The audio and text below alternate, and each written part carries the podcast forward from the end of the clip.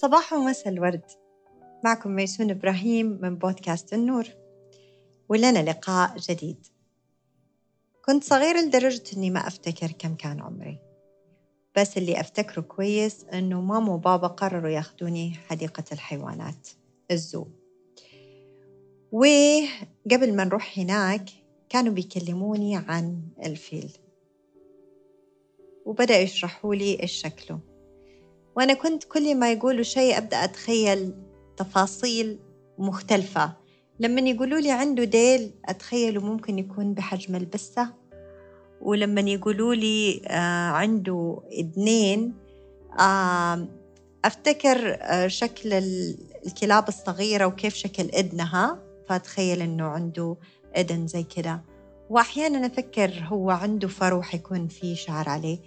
وبعدين أو في حاجة على جسمه يعني ولما قالوا لي إنه كبير يعني أكبر شيء شفته هو حصان في ديك الأيام.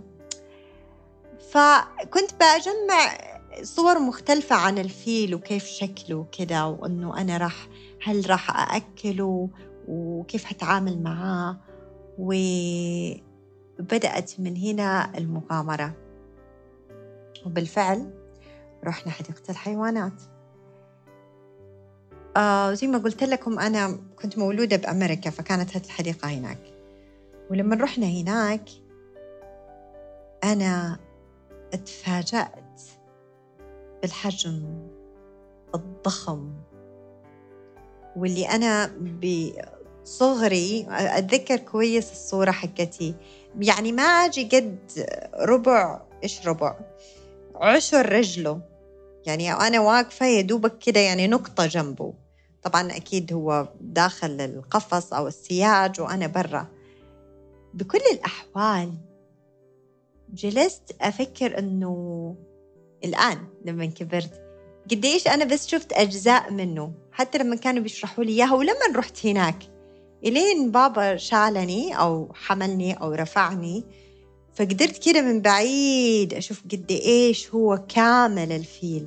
عنده خرطوم إذنه كبيرة ديله غريب غير ديل البسة. ما عنده شعر على جسمه ما عنده فرو على جسمه زي الكلاب أو القطط. آه أكبر بكثير من الحصان. واليوم حلقتنا اسمها دامبو الفيل. واللي أتمنى هذا ال movie تتفرجوا عليه. كثير في impact أو في تأثير. حسيبه لكم ما هشرح لكم إيش الفكرة اللي منه ولا كيف أنا تأثرت فيه. بس أنتوا تقدروا تلاقوه مترجم وتقدروا تلاقوه أفلام كرتون وتلاقوه كمان تم تمثيله عن طريق ناس حقيقيين. اسمه دامبو آه الفيل. أو بس دامبو أنتوا لو كتبتوا دامبو طيب يا ترى إيش قصتنا اليوم؟ لسه أنا حتكلم على الإبداع. حتقولوا لي زي في كثير ناس قالوا لي ميسون أنت لك فترة مركزة على الإبداع. بينما حقيقي أنت كنت كمان من قبلها بتتكلمي على الثراء. فكيف يعني أنت ليش انتقلتي من هنا لهنا؟ اللي أبغى أقول لكم إياه أنه الناس الأثرياء هم ناس مبدعين. ليش؟ لأنهم هم بال... بال... كده ببساطة فكروا بطريقة مختلفة بس وفكروا بطريقة مبدعة فكروا خارج الصندوق. لكن قبل كل ده الإنسان المبدع زيه زي الفيل الكبير. والناس اللي حوالينه زيهم زي ميسون الصغيرة. اللي بيصير إنه الناس اللي حوالينا بتشوف أجزاء مننا. أصحابنا في المدرسة بيشوفوا بس الطالب اللي في المدرسة. أصدقائنا في الجامعة بيشوفوا الطالب الجامعي. أهلنا في البيت بيشوفوا فرد في الأسرة أخ ولا أخت ابن ولا بنت. بعدين بعد شوية شوية بنكون مجتمع وهالمجتمع كمان بيشوف فرد في المجتمع. كل واحد فيهم بيشوف جزء من الفيل الضخم. اللي بيحصل إنه ولا واحد فيهم ممكن يشوف الصورة كاملة إلا لما أنت تتأكد من صورتك الكاملة. وتعرف حجمك الإبداعي كفيل. طبعا الناس اللي حوالينا مع الوقت إيش بيصير لهم؟ بيبدأوا سنس إنه هو بما إنه هو بس شايف هذه الجزئية فلنفترض خليني أخذ أخذ نفسي كمثال. أنا آه، مسؤولة عن آه، الاستثمارات في أحد البنوك آه، القيادية الموجودة بالدولة. حلو. بشتغل في ذا القسم لي أكثر من 11 سنة. تمام. لما أجي أقول والله أنا رايحة أسوي بودكاست ولا أنا صرت certified coach يعني coach معتمد دوليا. الناس اللي حوالي زملائي كنت في البداية صراحة أول رحلتي في آه، البودكاست وال coaching والتدريب. كنت دائما أنزعج من تعليقاتهم. وكانوا بعد الفترة هالتعليقات تنتقل إلى دماغي. فيبدأوا يصيروا موجودين حتى لو هم جسديا مش موجودين قدامي. أنا ببدأ أفتكر كلامهم. يعني خفي علينا. حتجلسي. إيش تقولي؟ يعني في إيش حتتكلمي؟ يعني إيش اللي حتسويه؟ ليه؟ لأنه مو جايفين إلا جانب الاستثمارات. أنت أصلا إيش تعرفي تسوي غير الاستثمارات؟ يعني إيش حتقولي شيء تاني؟ بغض النظر. هم شايفين جانب واحد مني. واللي في البيت شايفين الجانب الثاني. واللي برا شايفين الجانب الثالث. وأصدقائي هدول شايفين الجانب الرابع وهكذا. بينما كل واحد فينا هو فيل ضخم إبداع متكامل في كل شيء. وهذا اللي بأمن فيه أنا ككوتش دايما بنؤمن إنه كل إنسان كامل كإنسان بفطرته وإنه مبدع داخليا وإبداعه بينعكس على حياته الخارجية. ولو لاحظت إنه كتير كتير بتكلم أنا عن آه، دائرة سموها دائرة الراحة. أنا أحب أسميها دائرة التعود لأنه هو الإنسان حقيقي ما بيكون 100% مرتاح ما بيكون 100% مرتاح فيها لأنه لسه ما اكتمل كل الصفات الإبداعية اللي عنده ما طلعت. فأنا بسميها دائرة التعود. كثير من الناس قالوا لي إنه ميسون يعني أنت حسستينا إنه حياتنا اللي إحنا بنعيشها سيئة وناخذ قرارات أو بيقولوا مثلا لكثير من زملائي في الكوتشنج إنه أنتم حسستونا إنه لازم إحنا ناخذ قرارات ضخمة ونسوي تحول. القرارات الضخمة مش في علاقاتك الخارجية إني أكمل في ذا الدوام أسيب هذا التخصص. أسيب زملائي هدول أتطلق أتزوج. لا لا. القرارات الضخمة اللي بنتكلم عنها بتبدأ من الداخل. واللي إحنا بنتكلم عنه في دائرة التعود اللي أنا أفضل إني أسميها زي كده من يوم وطالع دائرة التعود هي مساحة صغيرة جدا جدا أنت تم تحجيمك فيها. تم تقليل حجمك بشكل صغير جدا. أنت هداك الفيل الضخم في قوتك وإبداعك وشجاعتك. وأنت اللي تقدر توقف لنفسك بينما تم تحجيمك بسبب أو بآخر. زي ما قلنا من الناس اللي حوالينا إنه اللي شافوا جانب واحد من المية جانب اللي داخلنا. وهنا أفتكر قول سيدنا علي رضي الله عنه وأرضاه ويحسب أنه جرم صغير وفيه انطوى العالم الأكبر. وارجع مرة ثانية أقول إحنا ناس مستخلفين في الأرض موجودين لإعمارها موجودين لإحيائها موجودين علشان نبدع فيها. يعني يصير حجمنا بحجم الدائرة الصغيرة البسيطة اللي إحنا بس متعودين عليها. الفكرة أنه هذه الدائرة الصغيرة هي جانب بسيط من حياتنا. يعني روتيننا اليومي اللي بنسويه واللي متعودين عليه هو بس جانب صغير من إمكانياتنا. إمكانياتنا أكبر بكثير من المساحة الصغيرة اللي إحنا عايشين فيها واللي سامحين للآخرين إنه يعكسوا لنا الجوانب الصغيرة اللي شايفينها مننا. الفنان الداخلي المبدع الداخلي ولما أقول فنان مش بس رسام مش بس مغني مش بس لاعب كورة مش ل... مش بس والله موسيقار مش راقص باليه. أنا بتكلم على الفنان الإنسان اللي كل شيء لما يجي في يده يتحول لقطعة فنية. عمله شغله دراسته علاقاته لما بيطبخ طبخة لما بيزرع حاجة لما بيرتب ديكور البيت كل شيء في يده بيتحول لقطعة فنية.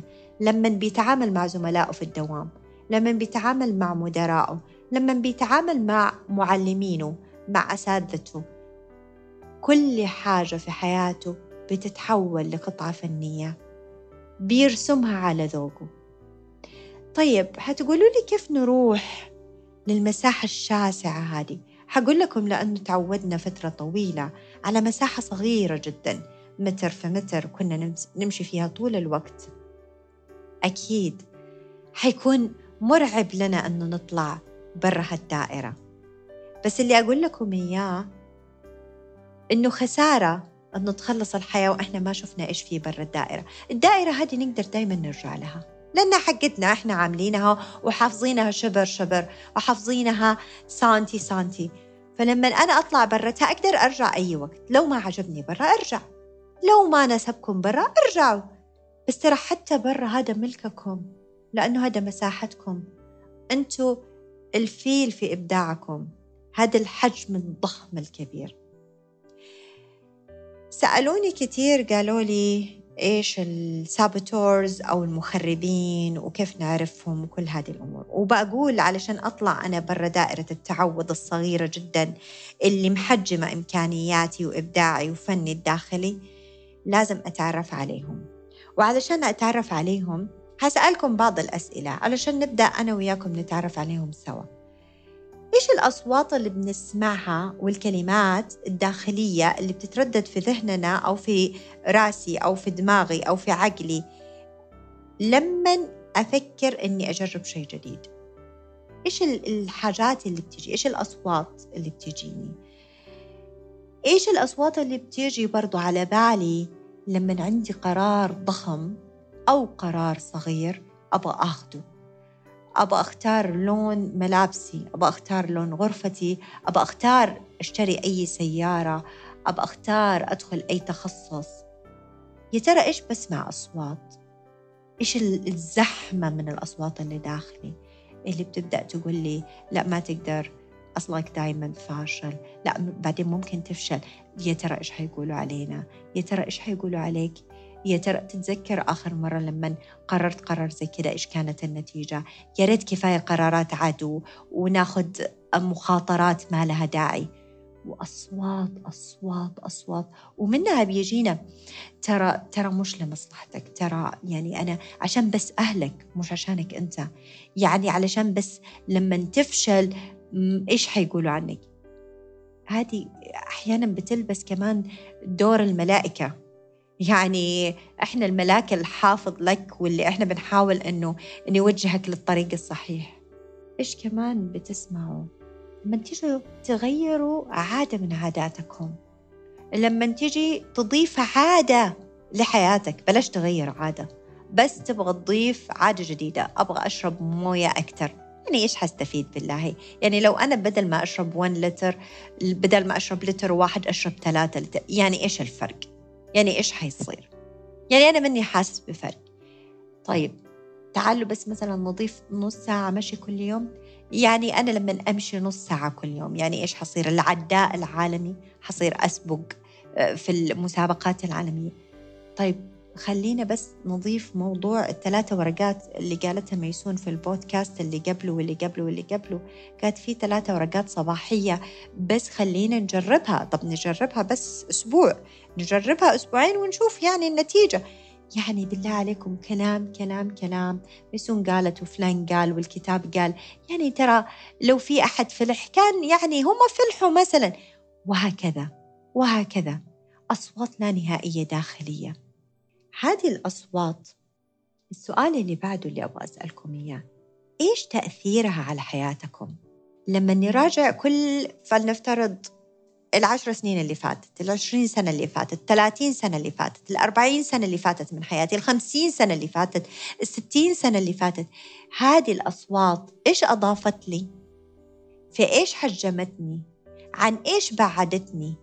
إيش أعطتني؟ إيش حرمتني؟ بعدين إحنا بنيجي نلوم كل الناس اللي برا الناس اللي برا ما لهم دخل في قراراتك حتى لو هم صوت خارجي حقيقي بيقول لك لا تعمل ولا تسوي ولا تجرب ولا تحاول. وكلنا في النهاية حن حنموت. وما له داعي. يعني إيش فرقت اللي لف العالم ولا اللي جلس في البيت؟ يعني بالله عليك إيش فرق الأثرياء عننا؟ كل دي الكلمات والعبارات اللي ما بقول هدفها إحباطك لا. لأن الناس هدول ما جربوا. ومو حابين يجربوا وهم ده الشيء اللي يعرفوه. هم مو غلط ولا صح بس هم هذا الشيء الوحيد اللي يعرفوه في حياتهم. وهم بيعتقدوا إنه الشيء الوحيد اللي بيعرفوه في حياتهم هو ديل الفيل. مو عارفين إنه فيل كامل في عندهم فيل كامل في عندهم إمكانيات لا نهائية. بتتعدى الحدود اللي بنفكر فيها. في ناس زينا نفس تركيبتنا نفس تكويننا طلعوا القمر اشتغلوا على نفسهم قرروا يصنعوا صاروخ. طلعوا القمر. طلعوا المريخ. هم ناس زينا. إيش الفرق بيني وبينهم؟ بس إنهم آمنوا بإمكانياتهم إبداعهم. اتخذوا قرار وقالوا كل صوت حيوقفني عن إني أمشي لمساحتي اللانهائية. للا حدود أنا راح أوقفه. راح أجرب. راح أطيح راح أغلط. it's okay okay. مش مشكلة. أنا دايما أقدر أرجع لأي مكان أبغاه. ما كل الدنيا حقي. كل العالم ملكي. فأنا أبغى أسألكم سؤال. يا ترى لو آمنتوا بالفيل الضخم بكل إمكانياتكم يا ترى إيش راح يتغير في حياتكم اليوم؟ إيش اللي حتقولوا؟ نعم اليوم حاعمل خلاص كده وكده وكده. إيش الحاجة اللي أبغى ألتزم فيها لنفسي؟ وإيش الحاجة اللي أبغى أقول لها؟ لا. Not anymore. ما في بعد كده إني راح أسمع لذا الصوت أو لذا الشخص أو لذا الإنسان. دوروا على ناس تؤمن فيكم كامل. تقول لك أنت عندك إمكانيات لا نهائية وعندك فرص لا نهائية. ودايما تقدر تجرب ودايما تقدر توصل ودايما تقدر تعمل. مش لازم لما نقول تقدر تعمل أو تقدر توصل أو تقدر فإحنا بنقول شيء خرافي. لا مش لازم أقول لك إنه معناته إنه أنت آه، طبيب فرح تعمل building آه، tower تبني tower بنفسك لوحدك آه، اللي هي ناطحة سحاب لوحدك وأنت تخصصك طبيب. لا لا. أنا بقول أنت كإنسان عندك امكانيات لا نهائية. وبقول لو آمنت فيها رح يطلع منك انتاجيات لا نهائية. وفي نهاية حلقتنا اليوم تذكرت شخصية فريدة. فريد فريدة من حيث إنجازاته اللانهائية بالحياة. بنجامين فرانكلين. بنجامين فرانكلين هو واحد من الأشخاص اللي موجودة صورته على الدولار الأمريكي. طيب يا ترى ليش موجودة صورته على الدولار الأمريكي؟ هل هو كان رئيس للولايات المتحدة الأمريكية؟ لا. لكن اللي أحب أني أقوله أنه كان مؤمن جدا بإمكانياته وبالتالي كان عضو في الجمعية الملكية والجمعية الأمريكية للفلسفة وأكاديمية آه، سانت بطرسبرغ للعلوم. تعالوا أقول لكم إيش كان بيعمل. كان سياسي كان مخترع كان رجل دولة كان دبلوماسي كان لاعب شطرنج كان موسيقي كان فيلسوف كان كاتب سير ذاتية كان أمين مكتبة كان صحافي كان اقتصادي. بس أساسا تخصص كان الفيزياء. فلما نقول أنه مو شرط أني أكون في شيء فما ينفع أسوي الشيء الثاني هذه خدعة. يمكن خدعنا نفسنا فيها عشان مكسلين يمكن أحد خدعنا فيها عشان ما يعرف غيرها. بكل الأحوال هي خدعة. اللي أبغاكم تسووه بس ادخلوا على الويكيبيديا واقرأوا اقرأوا عن بنجامين فرانكلين. وشوفوا إنه كيف في إنسان عاش 84 سنة وقدر يعمل أشياء كثير في الكهرباء في الفيزياء في السياسة في الثقافة في الفن. ما اكتفى من أي شيء وكل شيء. وفي ختام الحلقة لو عجبتكم ولو تعرفوا أحد مهتم في ذا الموضوع أرجو أنكم تنشروها. وأكيد برحب باستفساراتكم وآرائكم وفي انتظار أي وجهة نظر منكم. تحبوا تناقشوها على الإنستغرام أنا موجودة واللي الرابط حقه موجود في أسفل الحلقة. دمتم بود.